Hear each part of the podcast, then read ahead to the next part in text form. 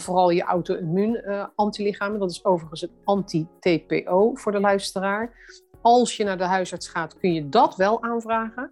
Bepaal met TSH, maar wil je alsjeblieft ook mijn anti-TPO erbij doen? Want ik vind dat staat niet in onze richtlijnen dat we dat moeten doen. Maar ik vind dat de patiënt er recht op heeft om te horen dat hij een auto-immuunziekte heeft en dat het dus Hashimoto heet. En dat, dat kun je echt wel met je huisarts bespreken. En dat kan hij ook gewoon aanvragen, want dat bepaalt het lab gewoon. En dan weet jij dat dat in ieder geval je diagnose is. Want anders zegt hij alleen maar tegen je, je schildklier werkt een beetje te traag. En dan, jij moet weten, maar is het, is het gewoon een beetje te traag werk? Of heb ik echt een auto-immuunziekte? Dat vind ik echt een belangrijk, belangrijk punt.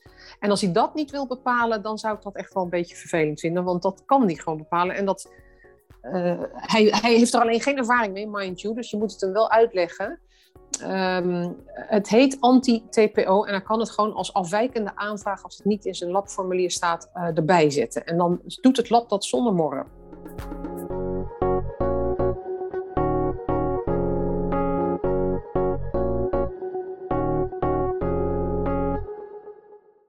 Welkom bij de Happy Hashimoto podcast. Onze gast vandaag is Lineke van der Griend, huisarts en auteur van het boek Studeerden wij medicijnen of geneeskunde? Een must-read voor elke arts, maar in mijn ogen ook zeker voor elke persoon met een chronische aandoening. In dit boek geeft Lineke een indringend kijkje in de wereld van de geneeskunde en de manier waarop er gekeken wordt naar chronische aandoeningen. Zij concludeert hier dat dokters niet goed in staat zijn om een patiënt met een chronische klacht of ziekte te genezen. Zij leren tijdens de opleiding bij elkaar horende klachten te herkennen en een naam te geven, zoals hypothyroïdie, om vervolgens te leren hoe je de symptomen van deze diagnose met pillen kan onderdrukken. Er wordt gekeken naar waar het probleem zit, maar niet naar het waarom of de oorzaken van het probleem. In dit boek wijst Lineke niet met een vingertje naar de geneeskunde, maar legt wel de vinger op de zere plek van de manier waarop er vandaag de dag gekeken wordt naar patiënten met onder andere de ziekte van Hashimoto. Zij breekt een lans voor een nieuwe manier van behandelen, een manier waarbij luisteren en het samen opsporen van de oorzaak van de klachten centraal staat, om vervolgens ook samen de oorzaak aan te pakken en weg te nemen. Dit is de weg naar echte gezondheid. Hoog tijd dus voor een goed gesprek met huisarts Lineke van der Griend. Lineke, welkom in de Happy Hashimoto podcast. Fijn dat je er bent. Dankjewel. Leuk dat ik uh, uitgenodigd ben. Ja, dat vind ik ook. Naast de auteur van dit mooie boek ben je ook huisarts en heb je een bloeiende praktijk in Schiedam. En jij noemt jezelf huisarts 3.0. Kun je uitleggen wat je hiermee bedoelt? Ja, ik versta onder huisartsgeneeskunde 2.0 eigenlijk de reguliere geneeskunde aangevuld met leefstijlgeneeskunde. Dat betekent dat je eens kijkt naar uh, wat kan er allemaal beter uh, vanuit de patiënt zelf gedaan worden, zodat hij wat uh, gezondheidswinst behaalt. Op het gebied van leefstijl en ook wel met behulp van voeding, maar dat valt formeel gezien ook onder leefstijl. maar 3.0 kijkt nog een stapje verder, want dat betrekt de functionele geneeskunde erbij. En de functionele geneeskunde is een begrip dat vooral in Amerika bekend is, hier in Nederland nog niet zo.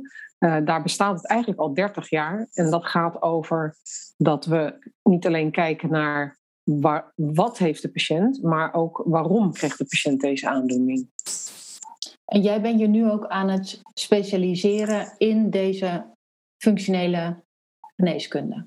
Ja, ja dat, zeker. Want ik vind dat een ontzettend boeiende manier van kijken. Omdat um, de, de, het heeft zoveel meer zin om te kijken waarom is dit eigenlijk ontstaan. Omdat je dan erachter komt wellicht dat er factoren zijn waar de patiënt zelf ook nog iets aan kan doen.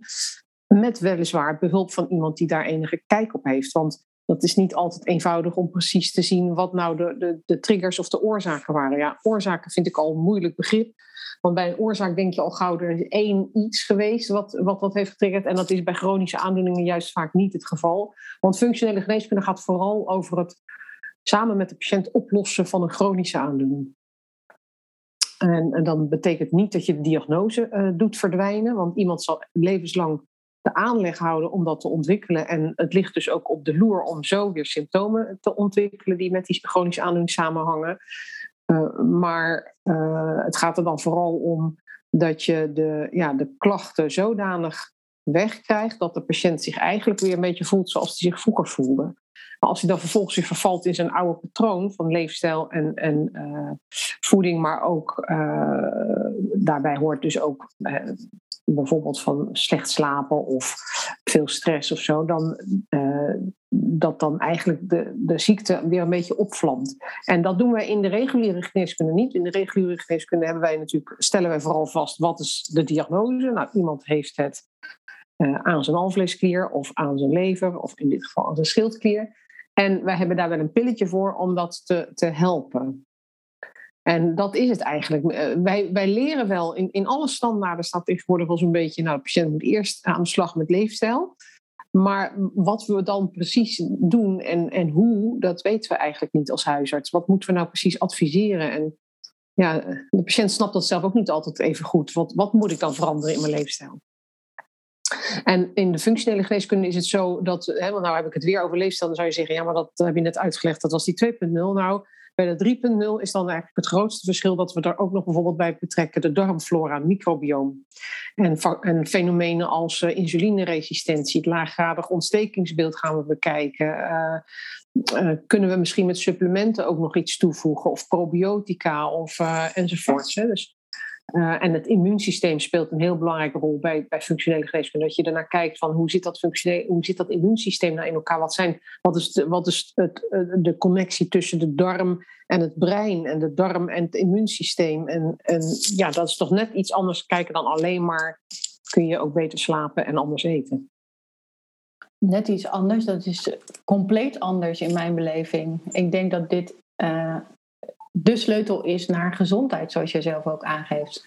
Alleen in de huidige huisartspraktijk met 10 minuten per patiënt is dat volgens mij helemaal niet haalbaar. Nee, dat klopt. Dat is echt niet haalbaar. Daar heb je, als ik een, een intake doe zoals ik hem zou willen doen, dan ben ik anderhalf uur bezig. Ja. Als ik een patiënt voor het eerst zie. En een vervolgconsult, daar doe ik drie kwartier over. Ja. Dat klopt, dat uh, vergt veel meer tijd. En da daarom doe ik dat ook niet. Dat wil ik meteen even zeggen, want het is mijn ervaring dat mensen na een podcast al gauw vragen: mag ik bij je op consult komen? Uh, uh, die ruimte heb ik helaas niet. Dus ik ben een heel reguliere huisarts. Ik heb 3800 patiënten. En ik zie dus eigenlijk alleen de patiënten die bij mij ingeschreven staan. Uh, want zoals ik al zei, die ruimte heb ik niet. Maar het is niet ondenkbaar. En ik wil daarom zeker ook aanmoedigen om mij te blijven volgen. Op, uh, dat kan uh, op mijn website Huisarts Lineke van de Grient overigens. Um, het is niet ondenkbaar dat ik dat wel in ga voegen. Dus dat ik 50-50 ga doen. Dat ik en reguliere, reguliere geneeskunde ga doen en daarnaast ook een, een praktijk ga openen voor een niet-reguliere aanpak. Waarvan ik overigens vind dat dat hartstikke regulier is, want het is mijn missie om die functionele geneeskunde in de gewone geneeskunde te schuiven. Want het is zo regulier als maar zijn kan. Daarom ben ja. ik me er ook zo. Daarom, het, het ligt zo dicht bij mijn eigen vak dat ik het heel makkelijk kan aanvaarden. Het is helemaal niet, ja, zoals genoemd wordt, alternatief of zo. Het is eigenlijk een heel logische aanpak. En ook microbioomanalyse, dus darmflora onderzoeken. Die worden in de wetenschappelijke literatuur uh, beschreven. Uh, daar wordt heel veel onderzoek naar gedaan. Dus uh, het is ja, het immuunsysteem, het neurologisch systeem, dat hoort allemaal bij ons eigen vak. Ja. Alleen het is dus een andere manier van kijken. En, en dat is eigenlijk het belangrijkste verschil. Je, je kijkt meer op een holistische manier van hoe hangen de organen met elkaar samen. Als jouw schildklier niet goed functioneert, wat doet er dan nog meer in het, in het lichaam niet goed? En andersom, welke organen kunnen wellicht bijdragen aan het feit dat die schildklier zo goed werkt? En, en dat, dat doen we in de reguliere geneeskunde te weinig. Ja. Hopelijk gaat daar in de toekomst nog wel een kentering in plaatsvinden, dat, dat, dat daar tijd voor komt in de. Nou, als mijn, als mijn missie slaagt, gaat het ja. lukken, Vera. Nou, we gaan ervoor. Hey, maar je hebt nu dus een reguliere huisartsenpraktijk. En uh, er zijn heel wat mensen met een traag schildklier in Nederland. Dus ik kan me zo voorstellen dat jij er ook uh, op jaarbasis uh, redelijk wat voorbij ziet komen in jouw praktijk. Zie jij een rode draad of overeenkomst bij deze mensen in de hulpvraag waarbij ze bij jou komen? Of een klachtenpatroon? Of... Nee, dat is heel interessant. Dat zou je namelijk wel verwachten als je naar kijkt naar wat zijn de klassieke kenmerken van een, uh, met name, want daar hebben we het in deze podcast denk ik vooral over, een traagwerkende schildklier. Ja. Uh, er zijn klassieke kenmerken zoals uh, trage stoelgang, haaruitval, vermoeidheid, concentratieproblemen enzovoort. Een heel scala aan, aan, vage klachten die, die een beetje in de richting gaan. Hè, kouwelijkheid van een te lage thermostaat. Maar ik ben nu na 20, 25 jaar huisarts te zijn geweest erachter uh, gekomen dat uh, de klassieke plaatjes, ook wat betreft andere diagnoses overigens, ik denk bijvoorbeeld aan het trombosebeen, die, zijn, die komen minder vaak voor dan de niet-klassieke plaatjes. Dus ik zou eigenlijk willen zeggen, alle klachten, dan kan een patiënt mee binnenkomen en dan blijkt er ook een schildklierprobleem te, te bestaan. Dus ik, ik kijk zelfs als patiënten nu klachten hebben die eerder in de, in de richting wijzen van hyper, Dat, dat, de thermostaat te hoog staat. Ook dan neem ik de schildklier mee. Als mensen, ik, ik had laatst een mevrouw die had uh, alleen maar tintelingen aan één kant van het gezicht en in de linkerarm. Uh, en uh, die mevrouw die raakte daarvan in paniek, want ze dacht: ik, ik krijg een beroerte of zo. Mm -hmm. Nou, alles nagekeken. Er kwam niets anders uit dan op dat moment een verstoorde schildklier. Met ook echt een verhoogd uh, T4, hè? dus een, uh, uh, een verhoogde TSH. en een verlaagde T4. Dus echt een, het, dus te weinig hormoon. En, die, en, dat, en, terwijl die schildklier maximaal werd aangezwengeld. Dus die had op dat moment echt een actieve, traag werkende schildklier. ten gevolge van Hashimoto, van een auto-immuunproces. En dat waren de enige uitvalsverschijnselen. Wow. Dus ja, dat had ik niet kunnen bedenken van tevoren. Dus tegenwoordig prik ik gewoon altijd een TSH mee, bij welke klacht dan ook eigenlijk. Als het een, als het een vreemde klacht is die ik niet meteen kan duiden. Hè. bedoel, als iemand met ja, een bovenluchtweg, luchtweginfectie komt, dan ga ik dat natuurlijk ja. niet doen. Hoeveel, hoe vaak eh, kom jij dan toch een te, te hoge TSH tegen? Vaker um, dan je zou verwachten? Ja, ik heb het de indruk, de indruk om, en dat heeft ook te maken met dat ik het vaker meeprik nu. Ja. Want dat, vroeger deed ik dat natuurlijk minder vaak dan nu, uh, omdat ik toen alleen maar op dat klassieke plaatje afging. Um, de, de richtlijn zegt, we zouden er zo'n zes tot zeven nieuwe, ik in mijn grote praktijk, 3800 patiënten, zou zo'n zes tot zeven nieuwe patiënten per jaar moeten zien. Uh, nou, dat haal ik wel. En ik denk dat het misschien zelfs meer zijn. Maar uh, je weet nooit of ze dat jaar ook begonnen zijn. Want soms zie je uh, afwijkingen waarvan ik denk: hé, hey, dat heb ik uh, acht jaar geleden ook al eens even voorbij zien komen. En dan gaat het weer weg, maar dan komt het weer terug. En... Ja. Dus ja, hoe vaak precies is, een, is lastig iets. Maar ik denk dat een reguliere huisartspraktijk erop moet rekenen dat er zeker vijf nieuwe patiënten per jaar bij komen. En een reguliere praktijk zijn maar 2150 patiënten. Dus ik heb bijna een dubbele praktijk. Dus ik, moet er rekening mee houden dat ik zeker 10 nieuwe zie per jaar. Maar het zou zomaar kunnen zijn dat dat nog een beetje het topje uh, van de ijsberg of in ieder geval dat er meer dan 10 zijn. Ja. En dan ook vaak ligt daar een auto-immuun uh, oorzaak onder bij jou ook? Ja, ik heb het nu echt over de, de Hashimoto. De Hashimoto. Hè? Dus, dus, ja, en dat is, dat is dus echt een, een, een auto-immuunaandoening ja. van de schildklier. Ja. Er zijn een aantal uh, pioniers uit de functional medicine uh, hoek in Amerika, uh, waar ik ook les bij volg en uh, die ik nauwlettend in de gaten hou. En die beweren ook dat er voor het ontwikkelen van een auto-immuunziekte waarschijnlijk drie voorwaarden nodig zijn. De eerste is de genetische aanleg, de tweede is een trigger waarmee dat gen wordt geactiveerd. En ten derde een chronisch geactiveerd immuunsysteem. En dan wijzen ze uh, in de richting van de leaky gut, hoogpermeabele darm, lekkende darm. Uh, wat is jouw visie hierop? En zie jij ook vaak problemen in de darmregionen bij deze mensen met Hashimoto? Het eerste wat bij mij opvalt bij eigenlijk alle auto-immuunziekten, maar zeker ook bij um, de schildklier, is dat er bijna altijd een factor stress speelt. Dat vind ik echt opvallend. En dan kan je zeggen, uh, ja, wat doet die stress dan? Nou, die stress zorgt er inderdaad voor makkelijk dat die darm uh, beïnvloed raakt. En dan gaat het met name over de darmwand. Kunnen we straks misschien nog even over hebben wat dat nou precies ja. is. Want stress doet veel uh, in je darm en in je darmwand. En dat, en dat doet dus iets op je immuunsysteem. En dat zorgt voor een laaggradig ontstekingsbeeld. Dus in die zin kan ik er naartoe redeneren naar wat je zegt. En natuurlijk is het zo dat je er aanleg voor moet hebben. Daar ben ik het ook mee eens. Um, en in dit geval is de trigger dan dus stress. Maar ik, ik denk dus dat die, die trigger uh, wel echt het stip bovenaan staat. Maar de, dus, dus factor nummer drie, dat laaggradig ontstekingsbeeld, dat is waarschijnlijk al een gevolg van factor nummer twee in dit geval. dus als stress de trigger is, dan gebeurt er wat in die darm, waardoor er een verhoogde permeabiliteit kan ontstaan. Verhoogde doorlaatbaarheid van de darm kan ontstaan. Ja. Iedereen heeft wel eens stress in zijn leven, maar wat bedoelen we eigenlijk als we het hebben over stress en stress in relatie tot gezondheid? Ja, stress, de, de, de definitie is eigenlijk een chronische negatieve prikkel van, vanuit buiten of misschien zelfs vanuit binnen waardoor jij voortdurend gespannen bent. Dat is het eigenlijk. En uh, het schijnt zo te zijn. Kijk, wij kunnen allemaal wel wat stress verduren. Sterker nog, dat is best wel goed eigenlijk en gezond voor het lichaam. Als er een leeuw binnenkomt, moeten we even heel hard wegrennen. Dat, is, dat zijn we al, al, um, duizenden jaren gewend. En daarna komt het systeem weer tot rust. Het probleem zit hem erin dat die boog altijd gespannen zou staan. Daar kunnen we niet goed tegen. er zijn verschillende theorieën over. De een zegt langer dan vijf uur achter elkaar. Maar ik denk zelf dat je dat gewoon heel goed aan jezelf kan voelen. Wanneer is het lichaam eigenlijk in een volledig ontspannen staat? Ja, dat is heel weinig op de dag.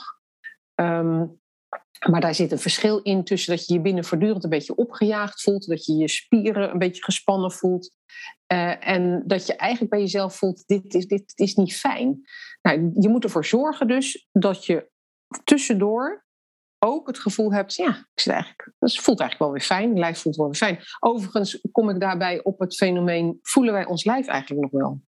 Want de meeste mensen leven hier in het hoofd en voelen, dat is mij ook echt opgevallen in de praktijk, voelen eigenlijk niet goed meer dat ze op een stoel zitten of dat ze hun voeten, uh, dat er ook nog voeten aan hun lijf zitten. Dus dat, dat vergt er enige bewustwording en dat kun, dat kun je bereiken via mindfulness. Dus als we het erover hebben, hoe kunnen we ervoor zorgen dat wij ook tussendoor voldoende ontspannen zijn, dan zou dat mijn eerste tip zijn. Doe een mindfulness cursus of meditatie of yoga, want dat zijn manieren waarop je weer in contact komt met dat lijf, waarop je voelt, god ben ik eigenlijk tussendoor nog wel in een voldoende ontspannen staat. Ja, belangrijk, ja. Essentieel.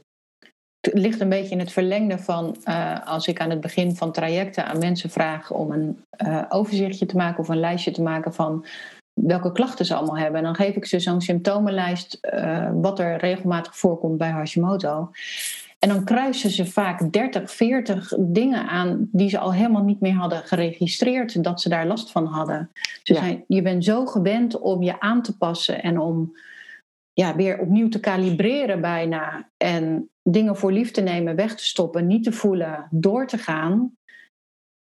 Dat je gewoon bent afgeleerd om te voelen, wat, wat is er aan de hand in mijn lichaam? Ja.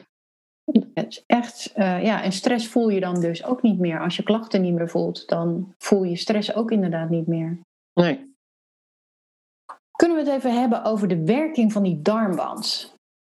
Ja, want dat is een belangrijk, uh, ja, een belangrijk onderwerp in het hele auto-immuunverhaal. Overigens niet alleen voor de schildklier, maar ook voor andere auto-immuunaandoeningen. Die darmwand, daar weten we eigenlijk te weinig van. Maar er komt steeds meer, uh, steeds meer, wordt steeds meer over bekend. En het belangrijkste fenomeen wat nu in, uh, in, in het uh, daglicht staat, is de, de verhoogde doorlaatbaarheid van die darmwand. De darmwand is één laag cellen met één laag cellen scheidt die darm zich van de buitenwereld. Dus de binnenwereld van ons, daar ligt maar één laagje tussen. Je zou denken, er ligt een hele hoornlaag tussen van een heleboel uh, epiteelcellen bovenop elkaar. Nee, dat is één laagje. En dat scheidt buiten van binnen. Want de inhoud van de darm is eigenlijk gewoon de buitenwereld. Hè. Het hele maag-darmkanaal staat van mond tot kont met elkaar in verbinding natuurlijk. En dat is dus eigenlijk nog gewoon de buitenwereld, een holle buis. Dus alles wat er aan die darmwand uh, langskomt, is in principe een bedreiging voor de binnenwereld als die darmwand het niet goed doet. Nou, die celletjes liggen dicht tegen elkaar aan en daar zitten ook verbindingjes tussen. Dat noemen we de tight junctions, de TJ's. Kleine uh, uh, ja, ja, scharniertjes zou je misschien kunnen zeggen. Want die kunnen namelijk, daar zit een beetje rek in, die kunnen een beetje open en dicht. En dat heeft ook een functie als wij een acute situatie van stress hebben, moet die een beetje kunnen wijken, zodat er wat meer naar binnen kan waar, wat we nodig hebben, bijvoorbeeld water en, su en suiker. Maar over het algemeen moeten die voornamelijk dicht zitten, zodat het meeste transport plaatsvindt via de cel en niet tussen de cellen door. Want de cel zelf is eigenlijk de belangrijkste poortwachter. Die bepaalt, uh, is het goed volk of slecht volk? En slecht volk wordt buiten de deur gehouden en het goede volk mag naar binnen. En dat, dat die, uh, die porter, hoe noem je dat? Poortwachterfunctie, die, die hebben die, die deurtjes niet. Die tight junctions hebben die functie niet. Dus als die tight junctions kapot zijn, dan kun je je voorstellen dat er als het ware hele kleine microgaatjes in die darmwand zitten. En dat er dus ongecensureerd van alles naar binnen kan. Wat daar niet hoort. Nou, de belangrijkste boosdoener daar blijkt de uh, buitenwand van de gram-negatieve bacterie te zijn. Bijvoorbeeld de E. coli, dat is er zo één. En die hebben een, dubbele wand. De buitenste wand heeft een zogenaamde lipopolysaccharide. Dat is een soort uh, suikerketentje wat uh, uitvloekt en dat wat uitsteekt. En dat, dat is een, als dat in contact komt, dat stukje van die wand, dus eigenlijk niet eens de hele bacterie, maar echt een stukje van die buitenste wand, de LPS, lipopolysaccharide, als dat in contact komt met ons immuunsysteem, ja, daar, daar uh, kunnen wij heel slecht tegen. Dan, dan vlamt dat enorm op. Dus dan krijg je echt een, een, een, ja, een soort uh, laaggradig ontstekingsbeeld, zou je kunnen zeggen, van binnen. Uh, en wij noemen dat endotoxemie. En die in dat proces uh, zie je ook dat het immuunsysteem gaat reageren op stofjes die meekomen. En dan vindt er iets plaats wat heet molecular mimicry. Want daar komen moleculen of, of, of ja, hoe zal ik het zeggen, eiwitstukjes, stukjes eiwitketen binnen. Die, en die volgorde van die aminozuren, waar het immuunsysteem dan op reageert, dat wordt herkend in delen van ons lichaam. En uh, het blijkt dus dat bijvoorbeeld de schildklier in dit geval dan lijkt op iets wat via die darmwand naar binnen komt. Dus in de vaart der volkeren wordt niet alleen dat wat via die darmwand wordt binnenkomt aangevallen, maar ook en iets wat in het hele. Want dat immuunsysteem is natuurlijk, dat zit natuurlijk niet alleen maar daar waar dat binnenkomt in die darm. Dat staat in contact met alles in het hele lichaam. Dat gaat als een razende door het hele lichaam via het lymfesysteem, via bloedbaan enzovoort. Dus als het heeft geleerd om te reageren op dat wat binnenkomt naar de darmwand, gaat het ook reageren op iets wat lijkt op deze volgorde, of sterker nog, precies dezelfde volgorde heeft van aminozuren. En dat is dan in dit geval de schildklier. En dan val je dus niet alleen de buitenstaander aan, die binnendringt, dus een binnendringer aan, maar ook uh, je eigen weefsel. Daarom heet het ook auto-immuunziekte. Je, je valt eigenlijk met je eigen immuunsysteem je eigen weefsel aan. En ja. volgens mij is ook de aminozuur of die eiwitcode van gluten bijvoorbeeld, die lijkt weer heel erg op de eiwitstructuur van TPO in de schildklier. Ja, en dat men zegt dus dat daar een enorme link is als je het hebt over molecular mimicry. Ja, en dat wordt zelfs bij veel. En bij veel auto-immuunziekten wordt dat gezegd, want ik ben natuurlijk een, een Waals uh, practitioner, hè? dat is die, uh, die internist uit Amerika die, uh, die MS kreeg. Daar ben ik door opgeleid. En ook zij, bij multiple sclerose zegt zij ook, ja, gluten is eigenlijk een van de eerste boosdoeners, omdat die op de een of andere manier iets doen in ons lichaam, waardoor wij in dat immuunsysteem doorschieten. Maar bij, bij de schildklier wordt specifiek gezegd dat dat inderdaad zou lijken op uh, de schildklier. En dat is eigenlijk net weer wat anders. En dat ik zou het wel leuk vinden om dat even uit te leggen, want heel veel mensen snappen dit niet zo goed. Als je um, celiakie hebt, heb je echt een allergie voor gluten. Dus je reageert met je immuunsysteem rechtstreeks op de gluten. En dat is wat dan vervolgens ook in die schildklier een probleem zou opleveren, omdat, omdat dan gaan, hebben we het weer over die molecular mimicry, dat het op elkaar lijkt. Nou, omdat je dus de gluten aanvalt, val je ook je schildklier aan. En dat is bij, daar zou dus tussen celiakie en uh, Hashimoto een overeenkomst zijn. En daarom zou het zinvol zijn om uh, geen gluten te eten bij Hashimoto. Maar er is nog iets anders en dat heet non-gluten, non-celiac gluten sensitivity. En dat is uh, het feit dat de gluten in die darmwand die poortjes open weet te zetten. En dat is dus wat anders dan een rechtstreekse reactie op die uh, gluten. Uh, in dit geval zetten de gluten de poortjes op, de TJ's, de tight junctions. En daarmee kan er dus van alles binnenkomen Waardoor er vervolgens op gereageerd kan worden op andere stofjes dan die, dan die gluten door het immuunsysteem. En dat neemt in de vaart volkeren weer ook de schildklier mee. Dus er is ook uh, in die zin voor mensen die geen echte celiakie hebben, dus dat is een rechtstreekse reactie, allergiereactie op die gluten, ook kan het zinvol zijn om toch die gluten weg te laten, omdat die de darmwand als het ware een beetje helpen beschadigen, zou je kunnen zeggen. En daardoor is die darmwand niet helemaal meer dicht. En dan, dan rijst natuurlijk de volgende vraag: hoe kunnen we dat voorkomen, behalve dan dat, uh, die, dat we die gluten weglaten uit het, uh, uit het dieet? Want er zijn nog veel meer manieren waarop je die darmwand weer heel kunt maken, waardoor je die kunt verstevigen. En dat, dat heeft weer te maken met de vriendjes in onze darmen, dat zijn de darmbacteriën. Uh, en, en, er zitten trouwens veel meer dan bacteriën in, ook virussen, bacteriofagen enzovoorts. Maar laten we het hier even de darmflora noemen, oftewel het darmmicrobioom. Dat is ongeveer anderhalve kilo tot twee kilo uh, uh, bedraagt dat van, van je totale lichaamsgewicht. Dus dat zijn echt veel bacteriën. En die helpen onze darmwand gezond te houden. En het is dus belangrijk dat we die op een juiste manier voeden. En daar komt weer het belang van juiste voeding uh, naar voren. En daarom heb ik voeding ook hoog in mijn vaandel voor wat betreft de aanpak van alle chronische aandoeningen. Want daar kom ik er iedere keer weer op terug. Die voeding is eigenlijk voor een groot deel de voeding voor onze darmbacteriën. Wij denken dat wij onszelf voeden met die voeding, maar voor een heel groot deel is dat helemaal niet het geval. Wij voeden vooral die darmbacteriën. En die darmbacteriën zorgen ervoor dat ons voedsel weer zo klein wordt gemaakt dat we het goed kunnen opnemen.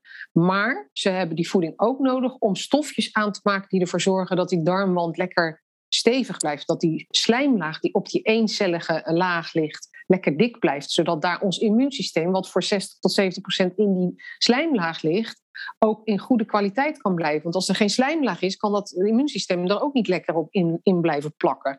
Dus we moeten een stevige darmwand hebben in de zin van goed aansluitende celletjes met een dikke slijmlaag erop. En, die, en dat, eh, dus dat die slijmlaag in een goede conditie blijft en die darmcelletjes ook, dat is veelal te wijten aan de functie van die bacteriën. Die bacteriën helpen dat in stand te houden. En daarnaast hebben die uh, bacteriën ook volgens mij nog een functie in omzetting, uh, aanmaak van bepaalde vitamines. Ze zijn zelfs betrokken bij de omzetting van schildklierhormonen, T4 naar T3 die, die darmbacteriën hebben enorm veel functies waar wij volgens mij voor de helft nog geen weet van hebben zelfs. Dat, dat klopt. Dat klopt. Ja, ze maken natuurlijk ook de beroemde korte keten vetzuren aan. En die helpen weer die darmwand te verstevigen. Dat klopt. Ze, zijn, ze hebben ontzettend veel functies waar we in de reguliere geneeskunde nog helemaal geen gebruik van maken of geen aandacht genoeg voor hebben. Want dan zouden namelijk alle huisartsen met voeding aan de slag gaan als ze dat wisten. Ja, maar dat gaat komen hoor, dat is een kwestie van tijd. Ik denk het ook wel. Ik hoop uh, sneller dan wij nu uh, nog denken. Want ik denk ook dat de hele opleidingen een uh, make-over zullen moeten krijgen. De opleiding ja. geneeskunde, waar jij in, in je boek natuurlijk over schrijft.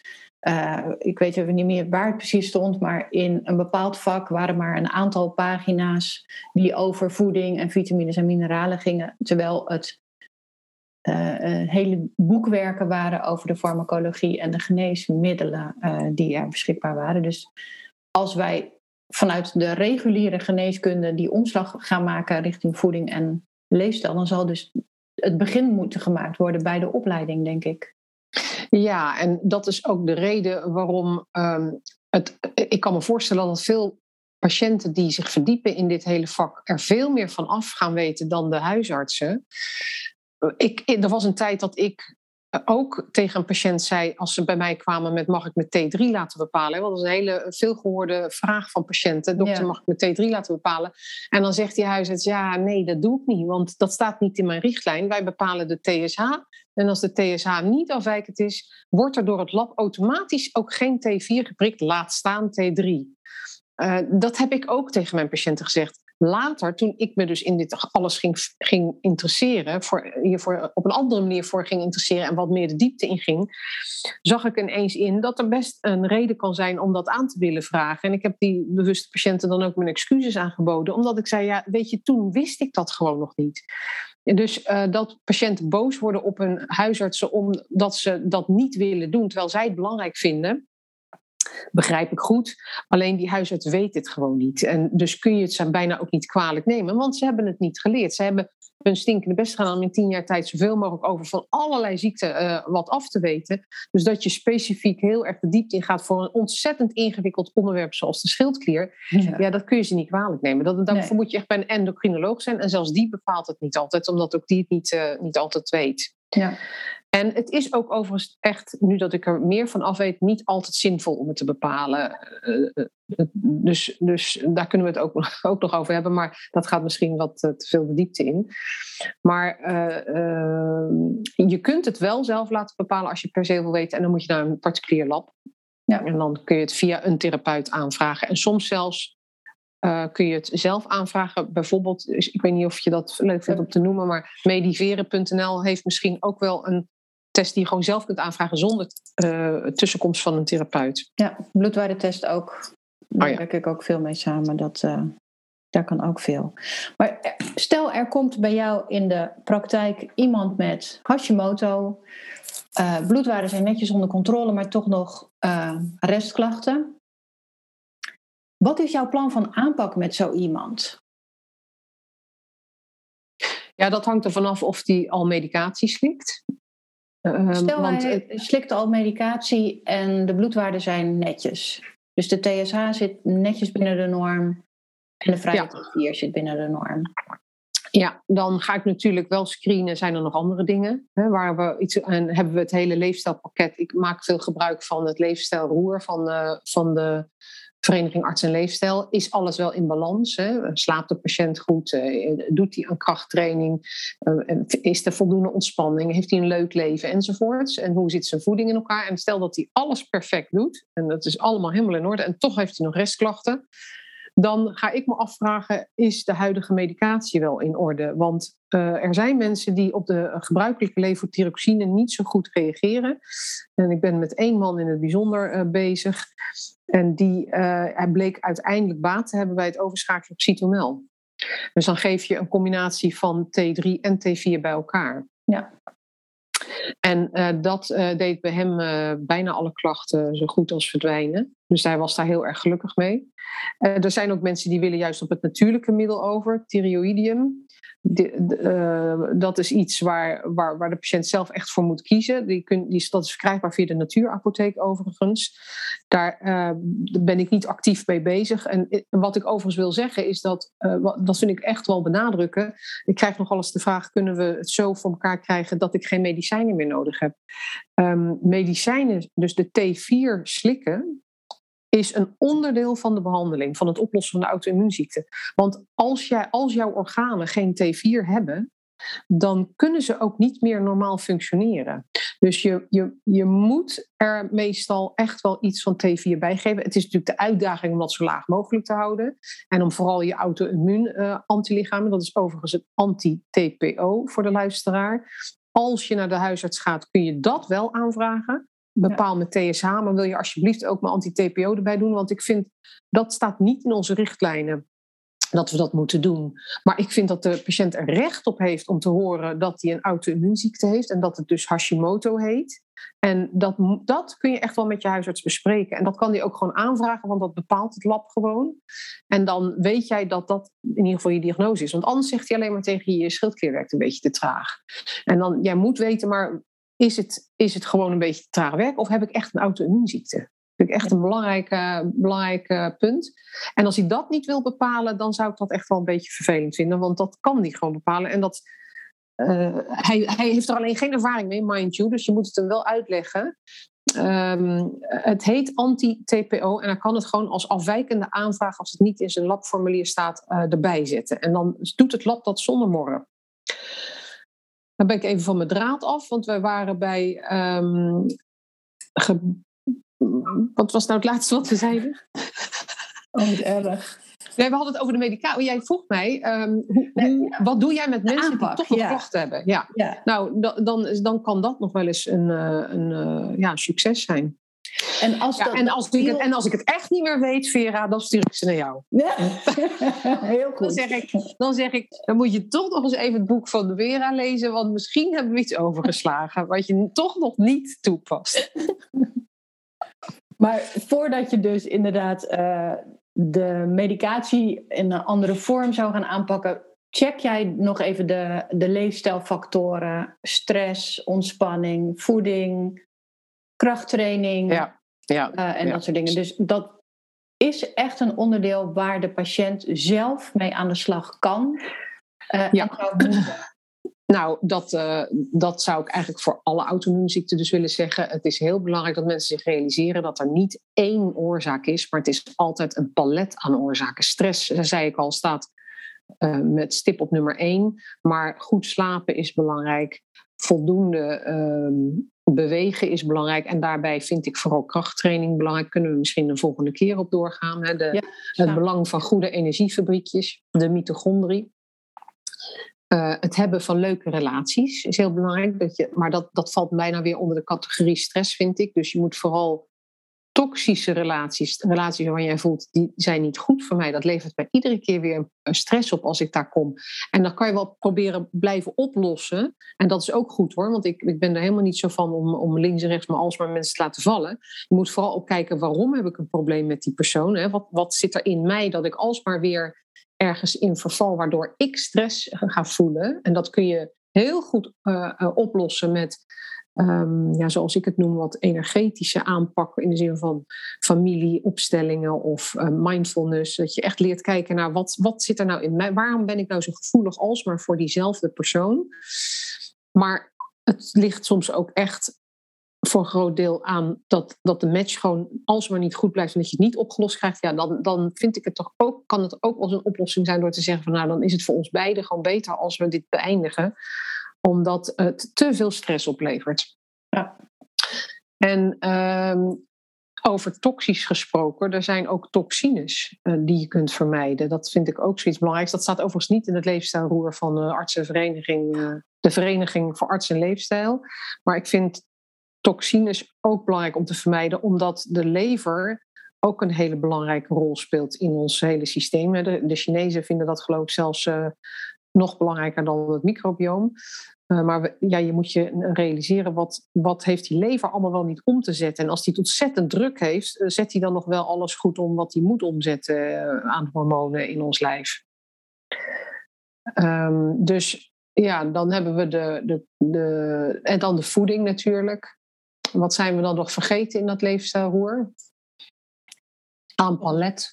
Nee, volgens mij hebben we ze wel. Ja, dat zijn de belangrijkste, denk ik. Hè? Nou, zeker als je dit hele palet hoort. Uh, en ik toch ook nog steeds heel veel mensen met Hashimoto teleurgesteld hoor in hun arts. Want uh, ze krijgen te horen: uw bloedwaarden zijn prima, leer leven met de restklachten. En ze blijven toch hopen en kijken naar die medicatie die omhoog moet voor het oplossen van hun problemen. Ik hoop dat na het luisteren van deze podcast wel iets helderder is geworden dat het zoveel meer is dan het slikken van een pilletje. En ook zoveel meer is dan de verantwoordelijkheid van de huisarts die de pillen voorschrijft. Het is ja, een samenwerking. En, en ja, het is absoluut. een groter plaatje. Absoluut. En dan, en dan kun je uh, die huisarts zeggen: Oké, ik, ik, ik weet nu dus dat mijn schildklier wat te traag werkt, maar de TSH is goed. Uh, kunt u me tenminste zeggen of ik nou een auto-immuunziekte heb? Uh, of niet? Hè? Heet dit nou formeel gezien de diagnose Hashimoto of niet? Dat is al eerder aan de orde gekomen. Die vraag kun je in ieder geval stellen. En uh, ja, boos worden op je huisarts, dat, dat levert natuurlijk stress op. Dus dat heeft geen zin. Neem het hem gewoon, neem het hem niet kwalijk, zou ik zeggen. En probeer zoveel mogelijk in gesprek te blijven. En zoek dan een andere weg om toch uh, datgene uh, in beeld te krijgen wat voor jou belangrijk is. Maar nogmaals, ik denk dat als je zelf weet dat je een auto-immuunziekte hebt, dat je eigenlijk vervolgens al heel goed aan de slag kan met jezelf. Zonder dat je die waarden, al die andere waarden weet. Ja. ja. Er is voldoende kennis online ook beschikbaar over uh, auto-immuunziektes, zeker over uh, Hashimoto als je op mijn website regelmatig kijkt. Er is heel veel te doen en ook als je naar deze podcast weer luistert, dan zul je voldoende aanpunten, uh, aanknopingspunten vinden waar je mee kan starten. Of dat nou stressreductie is, of je slaap verbeteren, of je voeding opschonen, je lever helpen. Uh, de vriendschappen. Ik, ik, ben, ik denk ineens wat we vergeten zijn in het leefstijlroer, zingeving. Ah, ja, je passie vinden en je... Ja, lekker in je vel zitten. Zorg dat jij, dat jij het leuk hebt met jezelf en met anderen. En dat je elke dag een reden hebt om op te staan. Ja. En dat zou voor veel mensen in de eerste instantie misschien wel eens zichzelf kunnen zijn. Ja. ik sta vandaag weer op om te kijken hoe kan ik mezelf zo gezond mogelijk krijgen. Veel mensen vinden zichzelf dat niet waard, is mij opgevallen. Hele mooi. Ik merk dat ik kippenvel heb. En meestal raakt er dan ergens iets. Uh, maar inderdaad, dat verliefd worden op voor jezelf zorgen, dat kan misschien wel de zingeving zijn die je nodig hebt. Want heel vaak heb je dan, uh, of ik krijg dan de reactie van ja, maar mijn passie vinden of mijn zingeving vinden, ik heb al moeite om de dag door te komen. Dus ik heb daar geen energie voor om die te gaan zoeken. Maar nu echt, dit is misschien wel juist in die gevallen de passie of dat dat vonkje of dat sparkje wat je nodig hebt om de boel weer in gang te krijgen. In ieder geval een mooie start. En het leuke is, op het moment dat je gaat voelen dat, jezelf dat, dat, je, dat jij dat waard bent om voor jezelf te doen, om voor jezelf te zorgen, uh, en je gaat voor jezelf zorgen, dan gaat de rest vanzelf lopen. Dat is heel interessant. Je gaat namelijk veranderen. Ja. Doordat jij aan de slag gaat met jezelf, ga jij veranderen. Jouw brein gaat anders denken. Als jij anders gaat eten, dat zeg ik ook veel tegen mensen, die geloven dan, die denken dat, het, dat, dat, um, dat ze dan vervolgens hun hele leven bezig, lang bezig moeten zijn met iets, met alsmaar gezond eten. Maar het grappige is, als ze anders gaan eten en beter voor zichzelf gaan zorgen, gaat dat ineens minder moeite kosten, want dat brein gaat anders functioneren. Ja, je wordt ook blij van het andere eten. En je wordt blij van het andere bewegen. En je wordt blij van het vroeger naar bed gaan. En, ja, ja. en, dan, en dan kost het ineens allemaal geen moeite meer. Nee. En als je dan terugkijkt, een paar jaar geleden, dan denk je: wat? Hoe deed ik dat? Ja. Werd ik daar toen blij van? Ja, dat kan uh, een enorm verschil zijn. Waar kunnen mensen jou vinden als ze denken, nou die Lineke heeft zoveel interessante dingen vandaag gezegd. Uh, daar wil ik, ik wil haar volgen, ik wil meer van haar lezen. Of waar kunnen mensen jou vinden? Huisarts Lineke met IE van de uh, Griend, ook weer met IE en het einde dt.nl. Daar heb ik um, al mijn podcasts uh, onder de button uh, in de media staan. Daar kunnen ze dus eh, verschillende onderwerpen beluisteren. En natuurlijk mijn boek. Ehm, ik ben nog niet bereikbaar voor één op één consulten, helaas. Maar als dat zo het geval zou zijn, dan overigens ga ik dan dat wel doen in de groepsvormen. Dus daar ben ik nu mee bezig, om dat een beetje in te richten. En ik ga heel uh, ja, rustig aan beginnen, want zoveel tijd heb ik daar nog niet voor. Uh, maar dan zal ik dat zeker kenbaar maken op die site. Ben je ook nog via social media te vinden? Ben je daar actief? Ik doe een beetje wat op huisarts Lineke van der Griend Facebook. Ik ben vindbaar op LinkedIn, maar daar ben ik op dit moment voornamelijk bezig met het volgen van de coronacrisis. Uh, maar voor wat betreft mijn voedingstips en adviezen zit ik, uh, ben ik het best bereikbaar op Facebook en ook wel op Instagram. Maar ik ben niet heel erg actief. Maar dat, je kunt daar wel je kunt mij daar af en toe zeker wel iets op zien posten. Oké, in ieder geval kunnen ze je daar vinden als je uh, gaat posten over die groepen die je gaat starten. Zeker. Dus als je dat interessant vindt, uh, dan weet je nu waar je haar in de gaten moet houden. Lineke, volgens mij hebben wij voor deze aflevering heel wat uh, onderwerpen bij de kop gehad. En ik zie ook nu al twee mooie nieuwe podcasts in het verschiet heb ik al wel wat leuke ideeën voor. En jij volgens mij ook. Dus laten we dat in het uh, nieuwe jaar zeker oppakken. Ik wil je voor nu in ieder geval enorm bedanken voor je tijd en je waardevolle informatie uh, voor deze aflevering. Uh, en ik hoop dat jij het zelf ook leuk vond. Zeker, zeker. En ik ben heel blij met jouw boek, Vera. Zoals ik al zei, vind ik het fijn om patiënten te sturen naar die informatie die ook door een ervaringsdeskundige is opgetekend, omdat dat zo ontzettend stimuleert. Dus eh, ja, ik wil jou ook danken dat je dat boek geschreven hebt. Kijk, en zo helpen we elkaar weer met inspireren van anderen. Nogmaals dank voor vandaag en eh, tot de volgende aflevering, want die gaat er zeker, zeker komen. Graag gedaan, tot de volgende keer.